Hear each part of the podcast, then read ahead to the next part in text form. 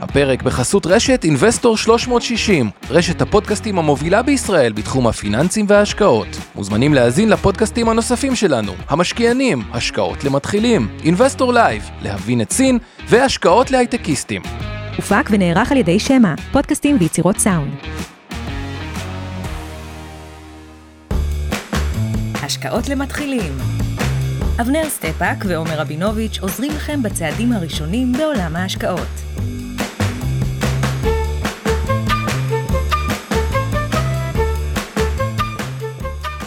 ערב טוב לכולם, ערב טוב אבנר. ערב טוב עומר. ואני רוצה להתחיל מנתון אחד שהוא באמת נתון, אה, לא רוצה להגיד מדהים, אבל שהוא מעורר הרבה מחשבה.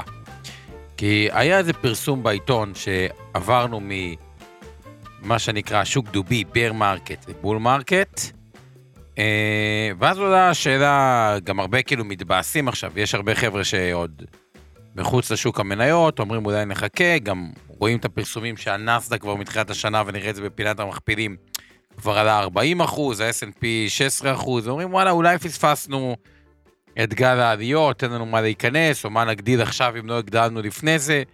ובתקופה של ירידות תמיד שממשיך לרדת אנחנו מרגישים טוב, ובתקופה של עליות תמיד מרגישים תחושה של פספוס. והנתון הוא, אה, ומלוקח מממש אחורה, נניח שנות החמישים, אחרי שהיה אירוע ששוק דובי הופך לשוק שורי. מה הכוונה? שהוא עלה ביותר מ-20% מנקודת השפל, בממוצע, נדבר רק על הממוצעים, ה-average bull market היה 152 אחוז תשואה, ונמשך 1,651 ימים. כלומר, מעל חמש שנים ו-152 אה, אחוז אה, תשואה, זה אומר שגם אם עלינו מהש, מהשפל אה, כמה עשרות אחוזים בודדים, כביכול, לפחות לפי הממוצעים הסטטיסטי, הסטטיסטיים, יש עוד טווח מאוד מאוד ארוך. רוצה לתת עוד נתון ככה, לפני שאני ואבנר נתחיל את כל הדיון, מעורר מחשבה, זה שבואו נדבר רגע על המשבר ב-2009. ב-2009 השוק עלה 40 אחוז, והרבה חשבו ש... או אחרי שהוא עלה 40 אחוז, לקחתי כמו שעכשיו הנסדק אה, אה, עלה, הרבה אמרו, טוב, זה בטח היה כזה משבר, זה מה שנקרא אה, בראלי, בראלי שזה עולה וישר חוזר חזרה אה, למיתון, אה, אבל אחרי שזה עלה ב-40 אחוז, זה המשיך אחרי זה לעוד 300 אחוז למעלה, שזה המון, וזה היה במשך אה, קרוב לעשור בעצם, עד 2018 שקטעה אותנו. אז כשחושבים על זה במונחים האלה, ששוק היה דובי עלה את הרף של ה-20 אה, אה, אחוז, בדרך כלל זה ממשיך הרבה זמן, כחמש שנים, ובדרך כלל העלייה היא למעלה מ-100 אחוז. כלומר, על פניו, היסטורית, נראה שהדרך עוד ארוכה מאוד כלפי מעלה. אה, אבל אבנר, זה ככה היה ככה נקודה לפתיחה. תראה, לפני שנגיע ל... לשורה התחתונה, אין ספק שמה שקורה בנסדק, א', ריבאונד רציני מאוד להפסדים של שנה שעברה, ב', גם בנסדק וגם ב-S&P, תמיד יש הטיה לקומץ מניות שמייצר את רוב התשואה. אבל להערכתי השנה זה אפילו בולט טיפה יותר בקיצוניות של הריכוזיות הזאת של מניות שעלו, זאת אומרת, הרבה פעמים אנחנו רואים את זה, אגב, גם במדדים בתל אביב, תמיד כשנבחן בדיעבד ונסתכל שנה אחורנית, ונגיד שאני אגיד לכם שמדד תל אביב 35 עלה בנניח סתם 20 אחוז, שזה עלייה חדה כמובן, הרבה מעל הממוצע, נבדוק ממה מורכב ה-20 אחוז הזה, אנחנו נגלה אה, שיכול להיות שחמש מתוך 35 מניות עשו כמעט את כל התשואה של המדד, וכל ה-30 האחרות נותרו קרוב ללא שינוי או עליות קלות בלבד. אז זה כן דברים שקורים תמיד, ואנחנו אף פעם לא יודעים מי יהיו הווינרים בתוך המדד, ולכן קשה אגב להכות מדדים, כי אתם לא יודעים מראש לצפות מי יהיו ה-30 מניות הכי טובות מתוך ה-500 של ה-S&P. אבל מה שהשתנה מהעבר לעכשיו זה שהריכוזיות הזאת עוד גדלה, וכשמנתחים נכון את החציוני, מה שנקרא, אז העליות נראות הרבה יותר צנועות ממה שהמדדים מראים אה, בנסדק ו-S&P, ועוד רגע נראה את זה במכפילים. נכון, בעצם ה-S&P אה, equal weight, אה, כאילו, שווה על המניות כמעט ולא נתן תשואה, תשואה חיובית זניחה. כן, צריך להסביר ש-equal weight בעצם אומר שאנחנו לוקחים את ה... נניח אם זה 500 מניות, equal weight של S&P 500, אז כל מניה יש לה כאילו משקל של 0.2, ובמצב כזה היינו רואים שבעצם אה, אה, הבורסה דשדשה סביב האפס וכולי, ולכן צריך לדעתי אה, לקחת את העליות האלה קצת בערבון מוגבל השנה יותר מבעבר, נכון שבשורה התחתונה קניתם מדד S&P, השקעתם מסלול S&P, אז ברור שזה בהגדרה, בוא נגיד, זה, זה מה שהרווחתם נקודה סוף, אז זה לא משנה לכם ש... שכן, אם זה הושג משבע מניות או 12 או 30 מניות מתוך 500, אתם הרווחתם את עליית ה-S&P נקודה. יחד עם זאת, לדעתי, אה, הגל האמיתי של עליות במה שנקרא מניות השורה השנייה, גם בארצות הברית, ועוד יותר מזה מדדים ביתר מקומות אה, בעולם, אה, אנחנו לא, אה, עוד לא התחלנו באמת לראות אותו בצורה משמעותית. לא, וכל השאלה היא, כאילו, האם, אוקיי, הנסדק עלה, עכשיו הוא, הוא, הוא ימשוך את הכל כלפי מעלה. אגב, עד כמה קשה, במה שאבנר אמר, עד כמה קשה לחזות המניות, אז גם שכולם יודעים שהיו את העליות, ואם אני אשאל את החמישייה הראשונה, אז אנשים יגידו, טוב, NVIDIA, סבבה, באמת הייתה 189 אחוז מתחילת השנה, אה, פייסבוק, לא כולם יודעים, אבל היא הייתה 138 וחצי, אבל אם אני אגיד, תנחשו את השם הבא, אחרי שיודעים וכו', אני עדיין חושב שאף אחד כמעט לא היה מה- מהמר שהמניה שעלתה השלישית בגובה השנה ב-S&P היא לא טסלה, היא לא אפל, היא לא חברה טכנולוגית, היא קרנבל קרוז, כן, החברת אה, תיירות של אה, אוניות ענק, והחמישית שעלתה, הרביעית זה טסלה, החמישית שעלתה זה רויאל קריביאן. כלומר, כל כך מפתיע וגם כל כך אה, קשה, זה, זה, זה בדיוק כמו שאבנר אמר, קשה לדעת מי המניות ש... שלא כזה קל לדעת מי המניות שיפתיעו. אנ- אנ- אנחנו, נושא הדיון שלנו היום, חוץ מזה שיהיה גם הרבה אה, הזדמנות לשאלות תשובות, הוא בעיקר נכון. האם, ה... האם אנחנו רק בתחילתו של גל שורי, ובעצם זה התחיל בנסדק וזה ידביק את כל השאר. אה, אבל אני חושב שאולי אבנר מקום טוב להתחיל ממנו זה פינת המכפילים, כדי לעשות ככה אה, אישור קו, ומשם לצאת עוד כל מיני נתונים מעניינים. אז אה, מבחינת המכפיל רווח, S&P אנחנו מדברים על 19.2, אה, עתידי, נסדק 28.7. שימו לב, העליות בשווקים, שאנחנו רואים מתחילת השנה שה-S&P עשה 16.5 אחוז, הנסדק כבר עלה ב-40 אחוז, שזה הרבה, מטורף. וזה לא סתם מגיע, זה מגיע עם זה שהאלטרנטיבה היא נהייתה טיפה יותר אטרקטיבית. מה הכוונה האלטרנטיבה קצת יותר אטרקטיבית? אם אתם זוכרים, אה, בשבועות האחרונים, מי שעוקב, אה, תמיד חזרנו למשפט, אג"ח ארה"ב לעשר שנים נותן 3.7, 3.7 וקצת, כבר עברנו ל-3.87 אה, לעשר שנים, אז אמנם זו לא עלייה מאוד גדולה, אבל עדיין שוק יותר יקר, האלטרנטיבה מעט יותר אה, אה, טובה, מזל טוב לישראל, לפחות בתחום האג"ח אנחנו ב-3.81, חזרנו לתת תשואה יותר נמוכה מאשר אה, ארצות הברית, אה, וגם מזל טוב נוסף לישראל, שחזרנו להיות בתשואה שלילית, למרות שה-S&P בפלוס כן. 16 וחצי והנסדק ב- בפלוס אה, 40, אז זה לגבי המניות הגדולות. עוד דבר שהוא היה מפתיע בתקופה האחרונה, אה, הראסל, גם המניות השורה הקטנה, בטח החודש הזה עשו יחסית מהלך אה, אה, יפה, עדיין בתשואת חסר מול המדדים הגדולים, 8.3% מתחילת השנה. אה, נעבור לאירופה, המכפילים שם גרמניה, בריטניה באזור ה-10, צרפת 13, ישראל שלנו, היתר נראה זול להחריד עם 8.9, תל אביב 90, 10.6, גם תל אביב 35, 9.8, וזה נראה עוד יותר זול על רקע זה שיש גם חברות כמו נייס שהיא דואלית, אז היא במכפיל גבוה, היא כאילו יותר דומה למכפיל כן.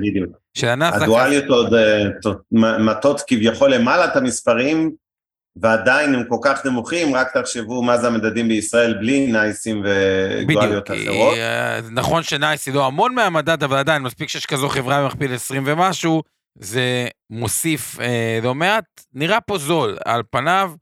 אה, ושוב, מתחילת השנה זה חסר ולא צריך, אה, יש איזה הרבה סיבות. אגב, גם גיאופוליטיות, אבל גם קצת הטיה של ישראל לתחום הנדל"ן, משרדים שלפחות בארצות הברית זה תחום שהוא לא נפגע, אלא אין דרך אחרת לתאר את זה מתחום שחוט, כאילו בארצות הברית, בישראל דווקא עוד גם נפגע, אבל אה, פחות. הודו מכפיל יקר 20.9, לא מעניין, סין 10.3, יפן גם יפתיע. אם אני אגיד לכם מה עשה יותר מתחילת השנה, ה-S&P או יפן, אני חושב שהרוב בתחושה שלהם יגידו ה-S&P, אבל התשובה היא יפן. פלוס 30 אחוז מתחילת השנה, אה, מכפיל 14.8. אז זה לגבי פינת המכפילים. אגב, עוד דבר אחד שצריך לזכור לגבי ארה"ב, כשאנחנו מנתחים את ארה"ב אה, כשוק. יש להם כל מיני יתרונות תחרותיים שמתחילים להיווצר מול אירופה, בשתי מקומות. אחד, האנרגיה בארה"ב היא באמת מאוד מאוד זולה. אה, ארה"ב, אה, מי שלא מכיר, היא שופעת בגז. היה טכנולוגיה, מה שנקרא פרנקלין, ה... לא יודע בדיוק איך אומרים את זה, זה שעושים פיצוצים באדמה וזה מוציא איזה... פצלי שמן אתה מדבר? כן, לא משנה. האנרגיה שם מאוד מאוד... יש פרק והטכנולוגיה, לא משנה, כן. הטכנול... האנרגיה שם מאוד מאוד זולה. ככל שה-manufacture, הייצור, עובר להיות יותר מבוסס על טכנולוגיה, טסלה היא דוגמה לזה, אגב, שגם לה היה דוחות טובים. אבל ככל שזה עובר יותר טכנול... על בסיס טכנולוגי, הנושא של מחירי אנרגיה משחקים תפקיד, וארצות הברית מחזירה קצת חלק מהייצור אה, אה, הביתה, יש גם הרבה תמיכות ממשלתיות וכו', שלא רוצים להיות כל כך בייצור חיצוני. אה, אז זה גם המחירי אנרגיה זולים שיש אה, אה, בארצות הברית, גם משחקים אה, לטובתה באיזושהי אה, אה, נקודה, כי ייצור, כל עוד המרכיב המרכזי שלו היה כוח אדם, זה משהו אחד, ככל שזה יותר טכנולוגי זה דורש פחות כוח אדם, ואז זה בעצם משחק של אנרגיה וטכנולוגיה, ושם ארה"ב היא, היא באופן יחסי אה, יתרון אה, מסוים. טוב, אני, אני רוצה להעיר כמה דברים, אה, עומר, גם על אה, עוד נגזרת של פינת המכפילים, להתייחס גם לדברים אה, ששאלו בצ'אט, ואני אגיד ככה, אירופה, שאלו על אירופה וראינו שהמכפילים הם נמוכים בין 10 ל-13, אבל אירופה קצת מתעתעת כי מצבה לא ברור ונראה בסך הכל די שלילי. זאת אומרת, בשונה מישראל, המכפילים הנמוכים באירופה יותר מוצדקים, נקרא לזה, מאשר המכפילים הנמוכים בישראל, גם לנו יש את הבעיות של עצמנו. אבל בישראל אני חושב שהשוק עשה overshooting למטה בחודשים האחרונים.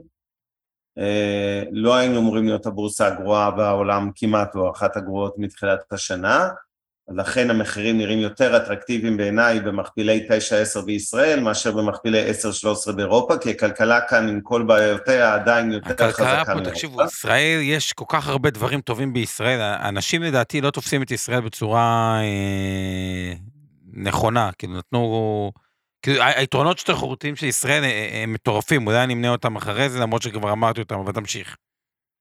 כן, אז אני חושב שבסופו של דבר, הבורסה באירופה נראית לא, היא, היא, זול, היא נראית אופטית מאוד זולה, היא אגב די זולה או סבירה פלוס נקרא לזה במחירים, למרות הבעיות בכלכלה האירופאית, אה, והיא בוודאי יותר זולה מארצות הברית, רק שאני לא חושב שבגלל זה המסקנה היישומית לתיקי השקעות שלכם זה כן אה, עכשיו אה, בואו תחזיקו את רוב המניות שלכם באירופה והרבה פחות מזה בארצות הברית.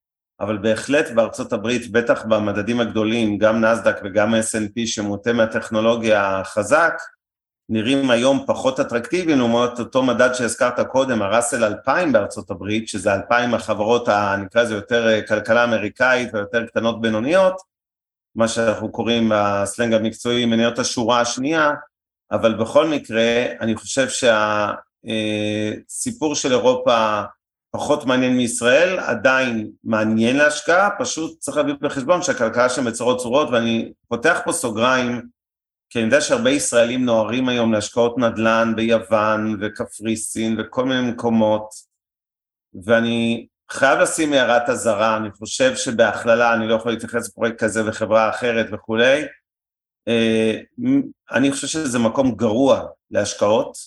כמו בעבר, ההיסטוריה חוזרת, ישראלים, יש להם איזה נטייה להיות קצת פתאים, וכל פעם, פעם זה היה בוקרסט ב-2008, שאנשים הפסידו את תחתוניהם שם, כן, ונעשה אליה אכן אה, וובינר השקעות נדל"ן. וכל פעם עוברים מיד ליד, היום זה פורטוגל ויוון שהם הלהיטים, אני אומר לכם, ברוב המקרים זה ייגמר רע, אנשים יפסידו כסף, יצטערו על זה שהם השקיעו שם, ואם אירופה שוקעת, המקומות האלה הם גם מהראשונים לשקוע, צריך לזכור, אלה מקומות, יוון ופורטוגל, שכיכבו רק לפני עשור, בפיגס מה שנקרא, בפורטוגל, איירלנד, גריס וספיין. אז אירלנד יצאה מאוד חזקה, השתינתה את פניה ב-180 מעלות, אבל פורטוגל ויוון וחלקית ספרד הם עדיין כלכלות מקרטעות אה, שמבוססות תיירות, וכשהתיירות הזאת נחלשת כי אירופה שוקעת בהאטה או מיתון, אז צריך להביא בחשבון שיש לזה מחיר גם בהשקעות הנדל"ן האלה, ולהיתקע עם נכסים שלא ניתן להשכיר אותם.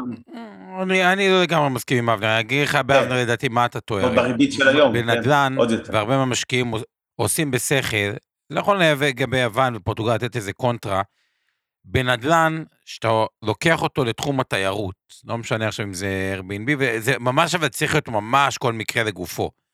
אבל בגדול, אתה רוצה תיירות חזקה עם נדל"ן זול. ואם יש מקום שאירופה לדעתי היא הזדמנות השקעה, יש הרבה תחומים, אוקיי, לא יודע, אז זה דווקא תחום התיירות, כי אתה מקבל בחלק מהמדינות נדל"ן זול עם תיירות חזקה, ו... כשתייר הולך לכל מיני מקומות, הוא לא אומר, אה, טוב, המדינה הזו הרבה יותר זולה, נגיד פורטוגל יותר זולה מתל אביב, אז תצפה למלון שהוא, לא יודע מה, 30 אחוז, 40 אחוז, 50 אחוז פחות מתל אביב, אבל הנדל"ן עוד יש שם רבע. אז במונחי כל המתמטיקה סביב המקומות האלה, עובדת. כלומר, לקנות דירה בתל אביב ל-Airbnb זה הרבה פחות הגיוני מאשר לקנות דירות שמה, אבל כל מקרה לגופו. אומר, נער הייתי וגם זדקנתי, אני בן 48, אני אומר לך, ראיתי את הסייקלים האלה חוזרים כל פעם. אם נשים גרף של כמות המודעות בדיגיטל, אה, יחס התשואה מהשקעות נדל"ן, ביחס לכמות המודעות בתחומים השונים, קרקעות חקלאיות, השקעות ביוון, השקעות בפורטוגל, בכל מקום אחר, זה, אני אומר... זה ייראה מאוד מאוד מאוד רע, יותר גרוע מהמצלמה שלי שמחרפנת את כולם בצדק. כל פעם נופלים, כתב שם דני בצדק, אתם כל כך רוצים נדל"ן למגורים, הש... ארצות הברית. השאלה היא, השאלה היא, אבנר, השאלה היא כזאת, יש לך את החלק של המניות אחלה, באזורים אלטרנטיביים אם אתה כשיר, מעולה, יש לך מלא אפשרויות. אגב, ללא כשירים היום, נפתחה עוד אפשרות שאנחנו עושים מה שקורה, ניהול תיקים אלטרנטיביים כניהול תיק, גם עם הקרנות המובילות בעולם, אבל אני כרגע שם את זה אה, בצד ולא צריך להיות איזה, בשביל זה כשיר תחת כובע של מנהל תיקים, אבל זה עוד לא ממש, כאילו זה רק בתחילתו בארץ. נדל"ן, לקנות דירה להשקעה בחו"ל, אם זה זה, זה לא, או, או פרויקט, אני, אני לא נחרץ כמו אבנר, אני פשוט חושב שהוא גם קרקע די טובה לאנשים אה, שמתגלחים על חשבונכם, ו... וצריך להיות מאוד מאוד פיקי, או מאוד מאוד מה שאני קורא... יותר זהיר ממה שאנשים זהירים בתחום הזה, אבל אני פחות נחרץ מאבנר. אבל אתה אולי... אבל בוא נמשיך, או שאתה רוצה להוסיף עוד משהו. אני חושב ש... כי אין עד כך, דירה, דירה שנייה להשקעה בישראל, אם יש לך דירה בישראל, הנושא של נדל"ן נוסף בארץ הוא לא כזה רלוונטי, גם יקר פה, גם 8% מס רכישה, גם זה תוקע לך את המס שבח, אם אתה תרצה לשדרג דירה. אז כאילו, בקטע של דירה נוספת בישראל זה לא אופציה בכלל. לא, זה בטוח, אני לא משווה את זה לישראל, אני משווה את זה למקומות שפויים, אוקיי? כמו לצורך העניין ארה"ב באמת, ועוד כל מיני מקומות מערביים אחרים, שהם יותר מערביים מיוון, ומרגיש לי פשוט שזה, הטרנד הזה מוגזם לחלוטין, נקרא לזה ככה, ויגמר רע, זה ממש, אני רואה את אותן מודעות עם התשואות הפיקטיביות האלה שמוכרים לאנשים, זה פשוט חוזר על עצמו כל פעם מחדש. תראה, אני אגיד לך ככה, לגבי יוון, אני בדקתי את יוון, החלטנו לא להשקיע, כל ההשקעה באיים היא לדעתי לא מצדיקה, כי זה רק חלק אה, מהשנה עובד, הרבה יותר אה, יקר לתחזוקה וזה, נראה לי זו טובה. קפריסין לא מספיק מכיר. אה, יוון גם אין, אין, אין שם מימונים ודברים כאלה, שזה גם עוד פוגע בתשואה. אנחנו החלטנו לא להשקיע ביוון, למרות שאני חייב להגיד, התזה שם היא לא הזויה. אנחנו פשוט החלטנו שיש דברים יותר אטרקטיביים, אבל זה לא, לא זה, אבל בוא, זה לא נושא, יאללה. אנחנו בנאסד"ק, כן. אז בוא נראה קצת נתונים מעניינים, ואז אה, נרחיב. אז אמרנו ככה, bull market ממוצע, שזה הנתון הכי חשוב שאני רוצה שתזכרו. כי באמת, אם יש, דבר אחד שאמרתי שהפודקאסט הזה חשוב, לזכור. יצאנו משוק דובי בממוצע 152 אחוזי עלייה, חמש שנים עלייה ברצף עד לשוק דובי.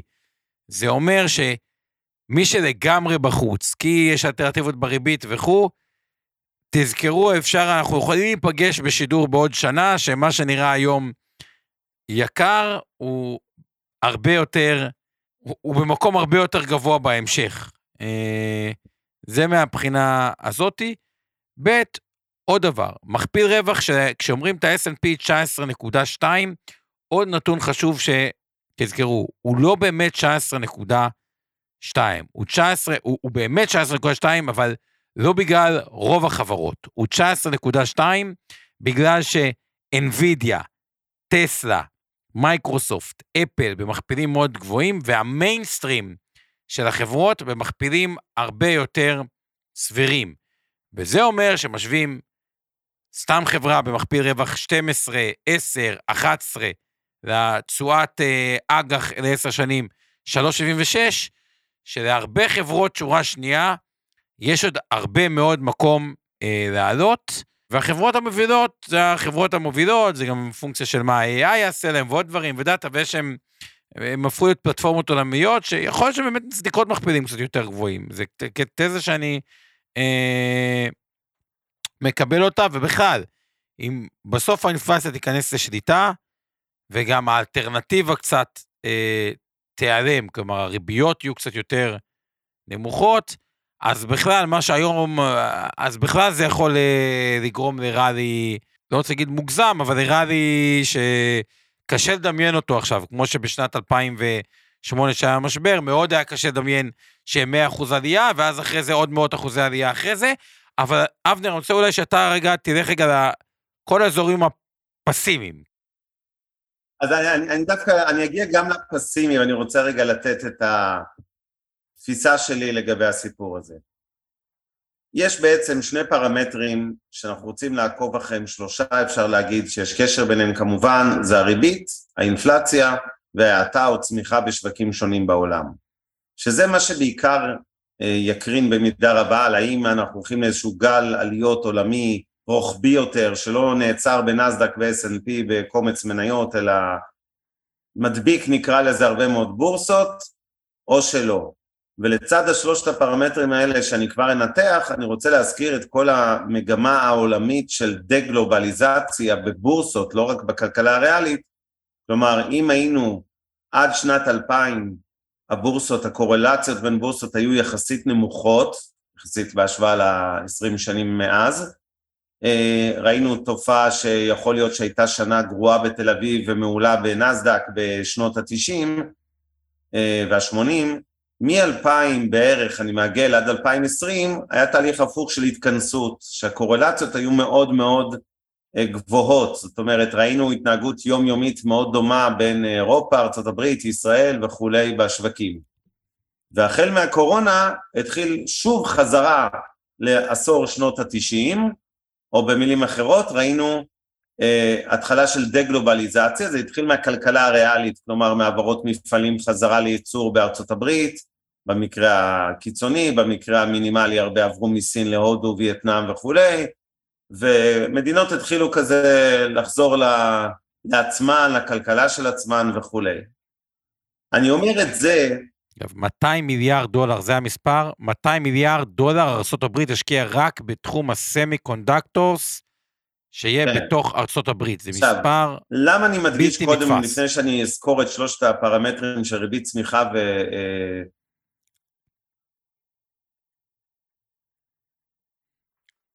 ריבית צמיחה ואינפלציה, למה אני מתעכב על הדה-גלובליזציה? כי צריך גם לקבל בהבנה ולהניח בראייה קדימה שבורסות בשנים הקרובות יחזרו להיות עם קורלציה יותר נמוכה, לא נמוכה, אבל יותר נמוכה מזאת שראינו עד לא מזמן, עד הקורונה, ויש לזה השלכה מעשית על תיק ההשקעות שלכם, ופה הזמן רגע לסוגריים מהערת הסיכון השבועית שלנו, עכשיו גם שיא הצופים אני רואה, אז אני מזכיר שכל מה שעושים הערב זה לא ייעוץ השקעות ולא תחליף לייעוץ השקעות שמותאם לצרכים ונכסים שלכם בידי ייעוץ השקעות מוסמך, וכל המניות שאנחנו מזכירים מדי פעם הערב זה מניות שצאו מנקודת הנחה שאי שם בתיקי השקעות או קרנות הנאמנות של אינבסטור 360 או בתיקים אה, קרנות נאמנות קופות גמל פנסיה והשתלמות של מיטב, אנחנו מחזיקים בהם ולכן יש לנו אינטרס להזכיר אה, כל מניה שעולה פה. אה, וכמובן זה לא המלצת השקעה כלשהי וגם לא ייעוץ פנסיוני או שיווק פנסיוני.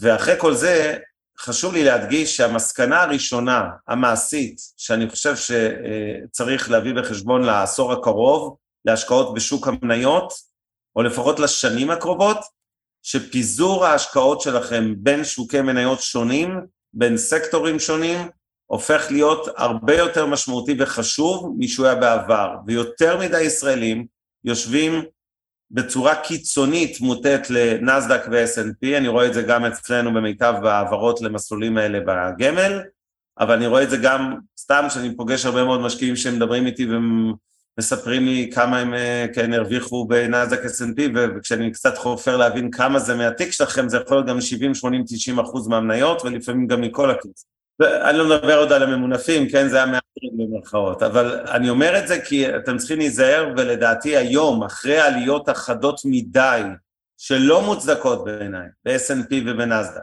נכון, הן מוטות מאוד לקומץ מניות כאמור, בצורה יותר קיצונית מבעבר, אבל עדיין זה לא מוצדק, ושאל פה מישהו, קובי לוי, סליחה, אם לאפל יש עוד מקום לעלות עם שווי של שלושה טריליון, אני לא רואה מקום לעלות, או בוא נגיד, אני לא רואה הצדקה, אתם יודעים, יכול להיות שניפגש פה בעוד שבועיים והיא תהיה שווה 4 מיליארד, 4 טריליון, אבל אין הצדקה כלכלית, בואו נגיד, לתמחור של אפל, ולכן, תכף נגיע לגורמי הסיכון, אחד הגורמי הסיכון העיקריים זה באמת נסדק ו-S&P, עם כל העליות המטורפות האלה, הופכים להיות בעצמם גורם סיכון, אבל נשים את זה רגע בצד, ונחזור לדבר הכי חשוב לי להגיד לכם הערב, זה יותר מבעבר תפזרו בין שווקים, בין ארצות הברית, אירופה, ישראל, כן, ישראל אטרקטיבית עכשיו, ורגע, כן, ואסיה. ואסיה זה כרגיל לא רק סין, זה גם הודו וזה עוד הרבה שווקים מסביב. יש מספיק פתרונות קלים, תעודות סל, קרנות, לא ניכנס עכשיו לזה, של איך נחשפים לכל אלה. אין סיבה בשום אחד מארבעת השווקים שהזכרתי, אתם לא אמורים להיות יותר מ-30-40 אחוז, זה לא הגיוני אחרת.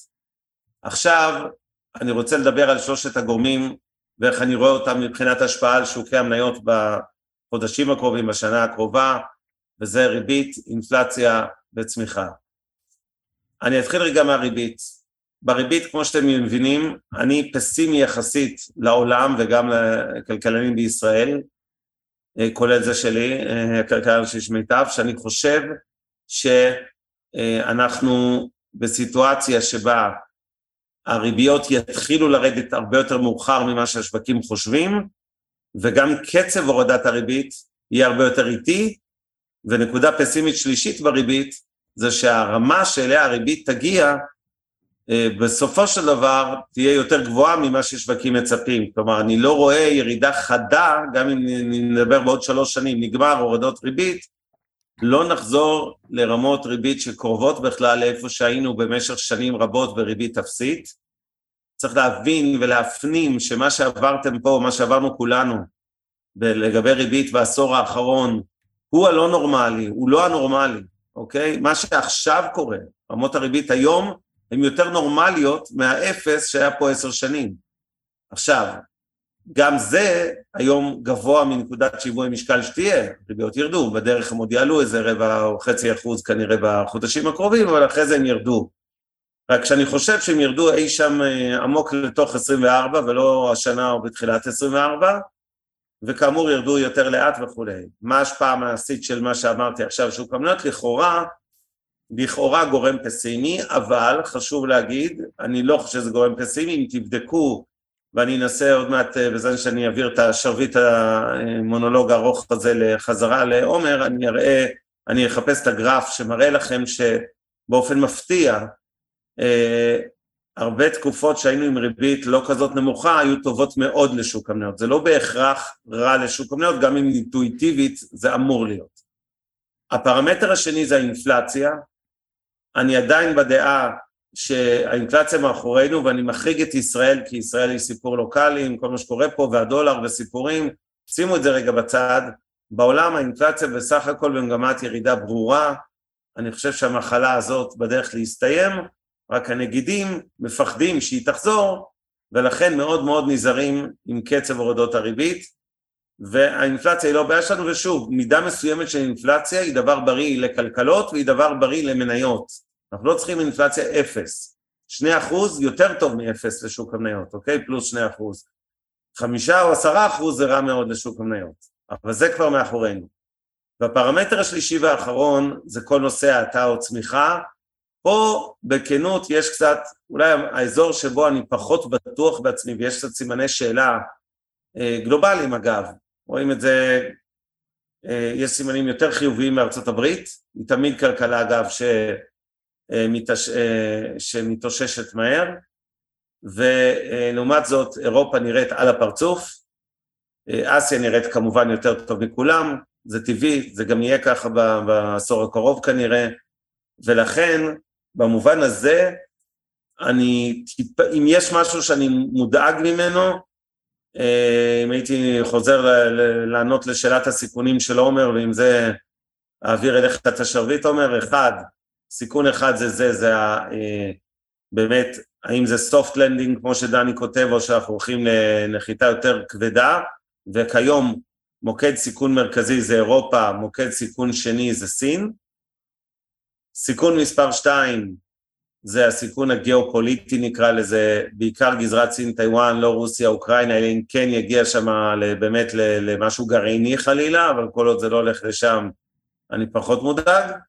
וסיכון שלישי אה, מהותי, זה אה, כמובן עצם העובדה שנסדק ו-SNP עלו כל כך הרבה, ומתבקש שם איזשהו מימוש רווחים, שזה יכול להכביד גם על שווקים אחרים להתחיל את הראלי של העליות שחווינו ב-S&P ונסדק.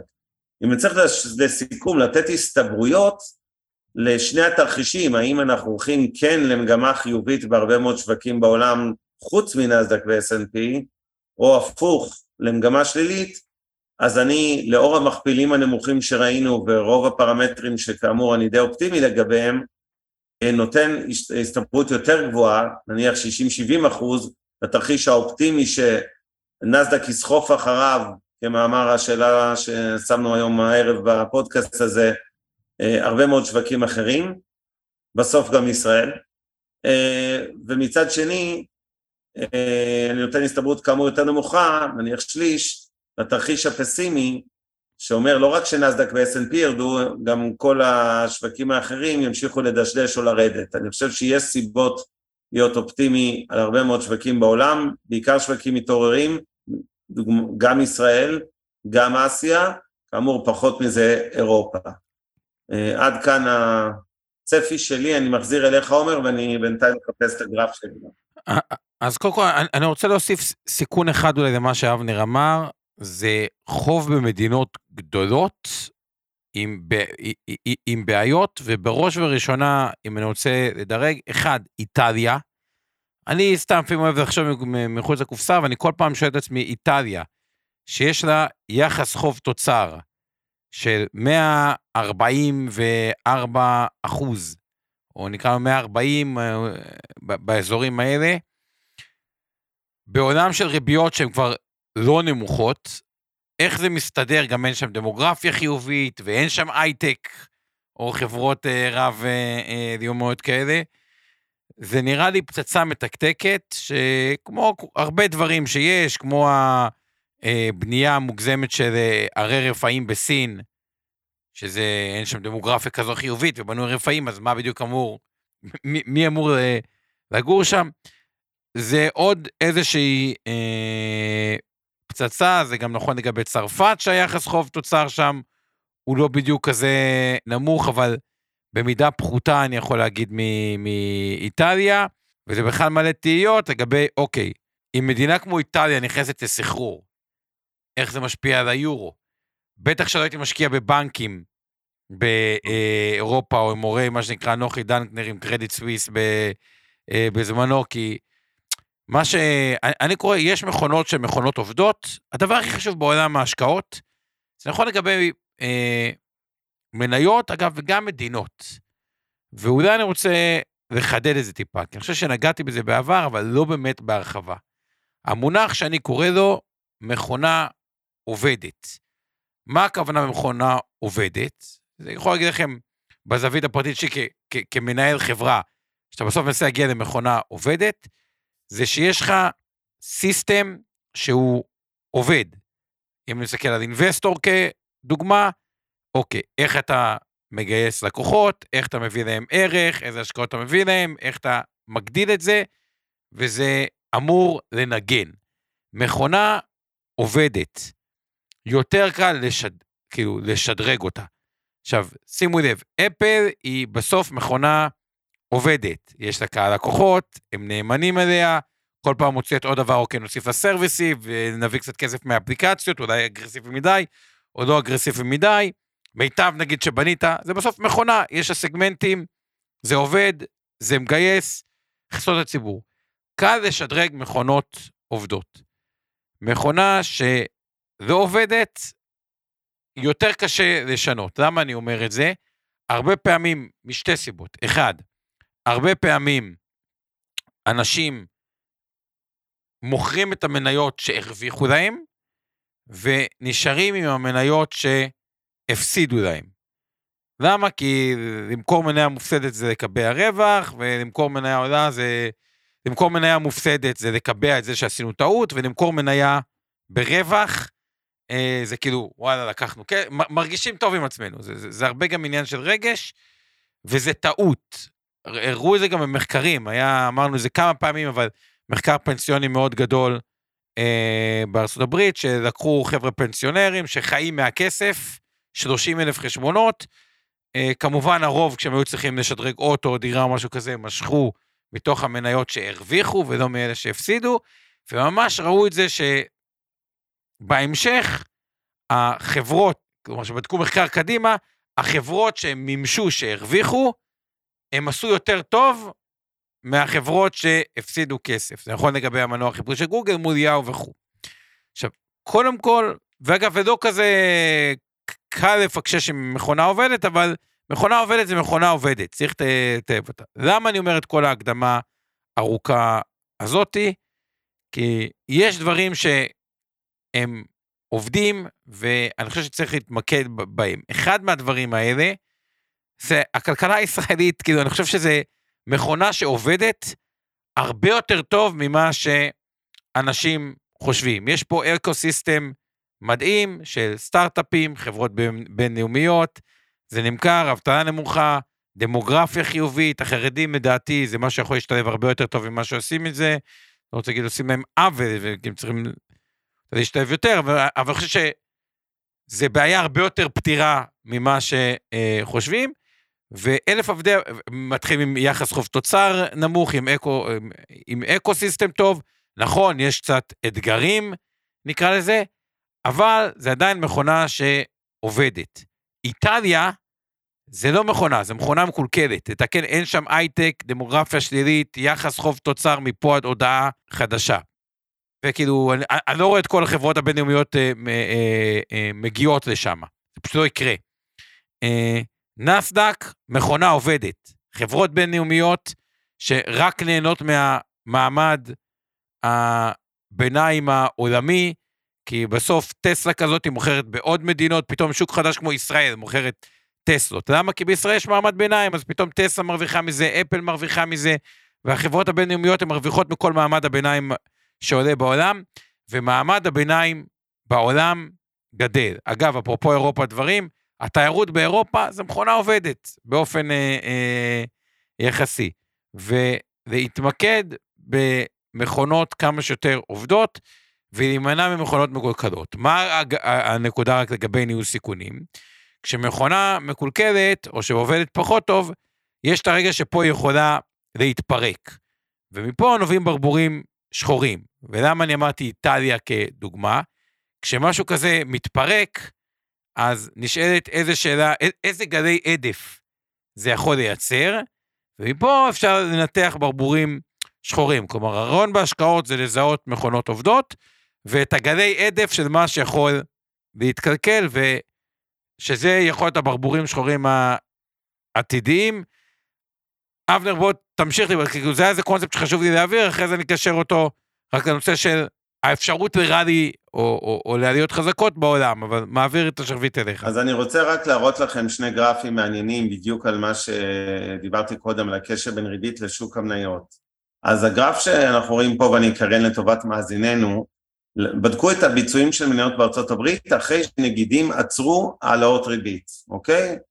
אמרו, אוקיי, הריבית הגיעה לשיא מסוים, נניח יש לנו עוד שתי העלאות בדרך לצורך העניין, פעמיים רבע אחוז, ואז אומרים מהעלאה האחרונה, בואו נראה מה קרה בששת החודשים שלאחר אותה אה, העלאה, אוקיי? ואז מה בעצם גילו? גילו שה-S&P, זה ספציפית ה-S&P 500, ראיתי את זה, אני לא זוכר על אה, איזה מדד של אירופה, אבל זה דומה, והסתכלו מה קרה בששת החודשים העוקבים להעלאות הריבית הזו, לאותה תקופה שהגענו לשיא של הריבית, ואתם יכולים לראות שבדרך כלל הייתה, אה, היו עליות יפות בשוקי המניות, אה, אנחנו רואים ברוב השנים האלה, בדקו היסטורית, כן, 50 שנה רוורס, אז ברוב המקרים ראינו עליות אה, יפות של בין עשרה ל-20 ומשהו אחוז בחצי שנה שאחרי, אפשר להגיד שאצלנו כבר ראינו את המקדמה על חשבון במרכאות כבר בחצי שנה הראשונה של 23, אבל זה לפחות היסטוריה אחת. השקף היותר חשוב זה השקף הבא, שמראה אה, שריבית גבוהה היא לא בהכרח רעה לשוק המניות. מה אנחנו רואים פה?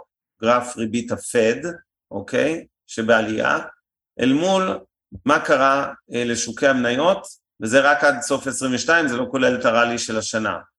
אז תשימו לב שלא בהכרח בתקופות שהריבית עלתה, ראיתם ירידות בשוק המניות כמו שאינטואיטיבית רבים היו מניחים, כי אומרים בצדק, כאילו מה, הם מציעים לי עכשיו אה, פיקדון דולרי בשישה שבעה אחוז, למה שאני אקנה מניות? אז הנה עובדה, קנו מניות, אוקיי, ובדקו כאילו את התשואה, בואו נדייק, ה-average annual return לאורך חמש שנים, אוקיי? אה, זאת אומרת, זה לא, זה התשואה הממוצעת אה, לאורך חמש שנים, בסך הכל קורלציה אה, מפתיעה שלא תמיד כאמור אה, ריבית גבוהה אה, היא דבר רע לשוק המניות, ולכן צריך להביא בחשבון שיכול להיות בהחלט מצב שבו הריבית כאמור גבוהה, או תישאר גבוהה, גם אם היא תרד חלקית חזרה, ועדיין התשואה הממוצעת, נקרא לזה, אה, בוא נגיד, לא, לא נראה קורלציה שלילית בהכרח בתקופות של עליית ריבית, אה, לגבי, אני מדבר, אה, עליית או ירידת מניות. ובשורה התחתונה, אני אופטימי כאמור בהסתייגויות שהזכרתי קודם לגבי זה שאנחנו הולכים לגל עולמי יותר של עליות, שלא ייעצר רק ב-S&P ובנסדק, כמו שקרה בינתיים במחצית הראשונה של 23, לא רוצה לחזור על דברים שאמרתי, יש פה הערות שאני רוצה להתייחס אליהן מהקהל, אבל עומר, תן את ה... כמה משפטי סיכום שלך, ואני אתייחס קצת להערות וכולי. הנקודה היא כזאת, אני רואה, אני ראיתי תופעה של הרבה אנשים שקל מאוד להיות עם חשיפה מאוד נמוכה למניות כשיש אלטרנטיבה. לא אומר שצריך להיות all in ועדיין קיימים סיכונים וגם יש אלטרנטיבה אז כאילו להיות בצד אה, זה כביכול לא כזה נורא. אבל המסר שלי מהפודקאסט הזה, מבחינתי, זה תזכרו את המספר 40% של הנסדק. לא כי מי שהיה הרוויח, או מי שלא היה הפסיד. זה פשוט, אם הריבית מתישהו תרד והיא תרד וכבר לא תהיה אלטרנטיבה, אז כבר לא ירגישו כזה נוח בפקדונות, והשאלה בתוך איזה שוק אתם תפגשו את זה. האם בשוק שהוא בסביבת המחירים של עכשיו, או האם בשוק שהוא הרבה יותר גבוה. ואם הייתי שואל את הבן אדם הממוצע בתחילת השנה, אה, וואלה, יש אה, אפשרות לקבל פיקדון אה, חמישה אחוז אה, דולרי, אתה לא מפחד שהשוק יעלה אה, הרבה, נגיד, אתה לא מפחד שהטכנולוגיה שקצת חטפה תעלה הרבה. אה, מרבית האנשים היו אומרים לי, וגם אמרו לי, תשמע, כמה זה כבר יכול לעלות? הכי גרוע זה יעלה עשרה אחוזים? אז אוקיי, אז קיבלתי את החמישה-שישה אחוז דולרי שלי, וכשאני אכנס לשוק המניות בחזרה, אז אני אפגוש אותו בפלוס אה, עשרה אה, אחוזים, פלוס אה, משהו כזה, ואז אוקיי, אז הפסדתי ארבעה אחוזים תשואה אלטרנטיבית, אולי הוא גם ירד, וכאילו, אחלה. ובסוף, מי שעכשיו ירצה לעבור מאותו פיקדון חמים ונעים, סלש קרן כספית, אה, סלש אג"ח, פוגש את השוק בפלוס 40 אחוז למעלה, וגם עכשיו, כביכול, יש כאלה שמתאכזבים, אומרים, אוקיי, פספסתי לגמרי את הרכבת. ואני מסכים עם אבנר שמה שנראה גבוה הוא... וגם מסכים שמכפילים לא נמוכים, די גבוהים. ורק המסר השני שלי זה 2009. 2009, אחרי 2008, כשהשוק הנסדק אה, אה, עלה ב-40 אחוז, אחרי שאנשים ב-2008 חוו את מה שהם חשבו, חשבו שזהו, העולם מוכחד ואין מערכת פיננסית, אני בטוח שברמת הרגש, אני לא יודע, כי לא... אה, שידרנו אז את הפודקאסט, אה, אבל ממה שאני דיברתי עם הרבה מנהלי השקעות, התחושה שם הייתה, אחרי קץ העולם, שזה עלה 40 אחוז, לא תחושה שזה, הכל חוץ מתחושה שזה הולך לעלות עוד 300 אחוז במהלך אה, עשר אה, שנים. ובגלל זה המסר שלי לא להיות קיצוני.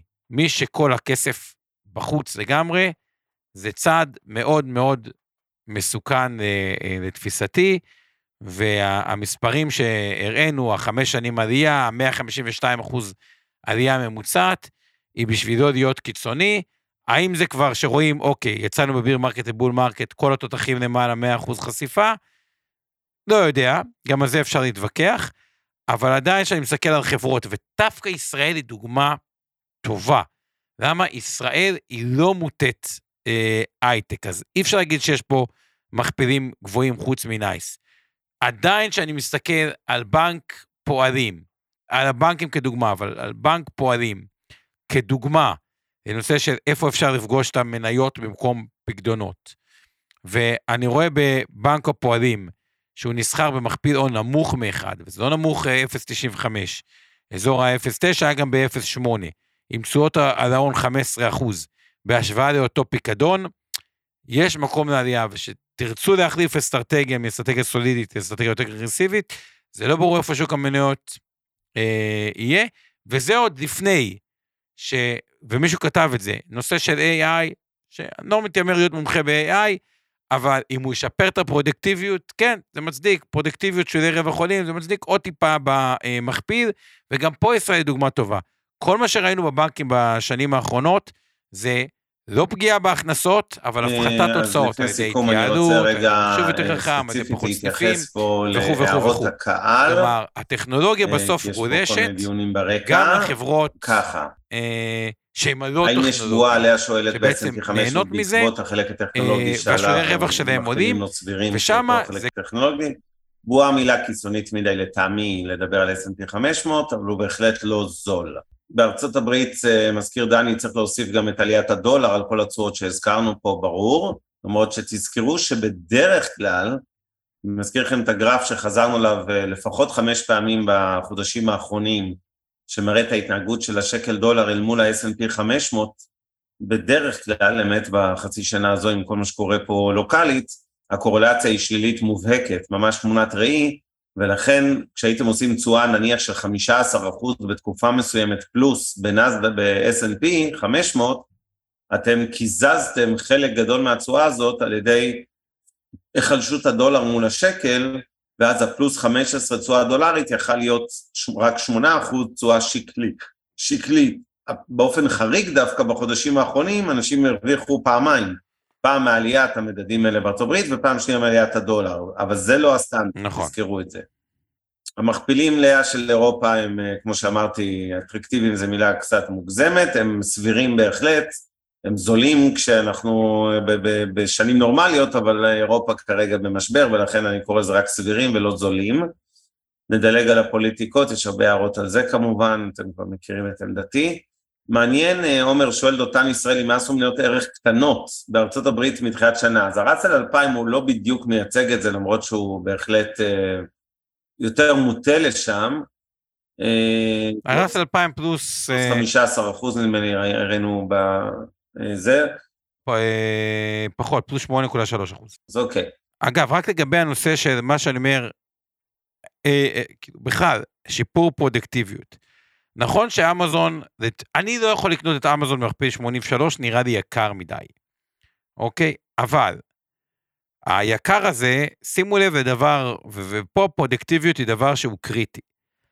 אמזון נסחרת בשולי רווח של 0.82, כלומר, פחות מאחוז אחד, כאילו על כל 100 דולר, נשאר לה הכנסה, נשאר לה 82 סנט רווח נקי.